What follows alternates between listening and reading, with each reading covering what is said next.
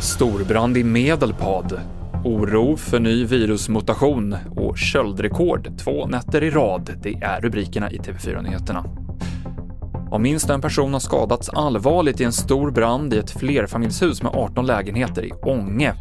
Länssjukhuset i Sundsvall har gått upp i katastrofberedskap och så här sa kommunchefen i Ånge, Mattias Robertsson, om situationen vid tiotiden.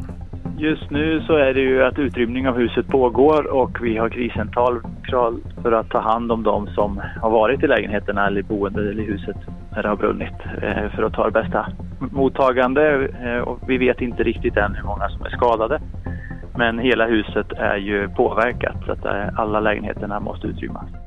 Minst sex personer har förts till sjukhus enligt P4 Västernorrland. Oron för en ny variant av coronaviruset som upptäckts i Sydafrika har fått Storbritannien att stoppa inresor från sex länder i södra Afrika och EU-kommissionen vill införa ett liknande förbud. Så här säger vaccinforskaren Matti Sellberg om den nya mutationen.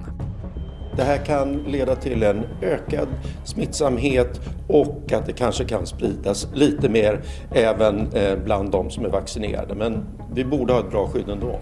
Det sa Matti Sellberg och flera börser har fallit kraftigt hittills idag efter nyheten om den här nya virusvarianten.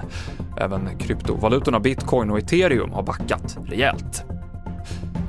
Lagom till första advent så är det nu vintertemperaturer i stora delar av landet. Det välbekanta köldhålet Nikkaluokta i norra Lapplandsfjällen har slagit säsongsrekord två nätter i följd. Nu i natt så var det minus 31 grader där. Och nu så är världskuppen i skidor igång. Premiärhelgen är i Ruka i Finland och idag så är det sprint i klassisk stil på schemat. Fem av sex svenskar på både herr och damsidan tog sig vidare från kval till kvartsfinal. Senare idag så får vi se om det kan bli svenskt på pallen i premiären. Fler nyheter finns i appen TV4 Nyheterna. I studion Mikael Klintevall.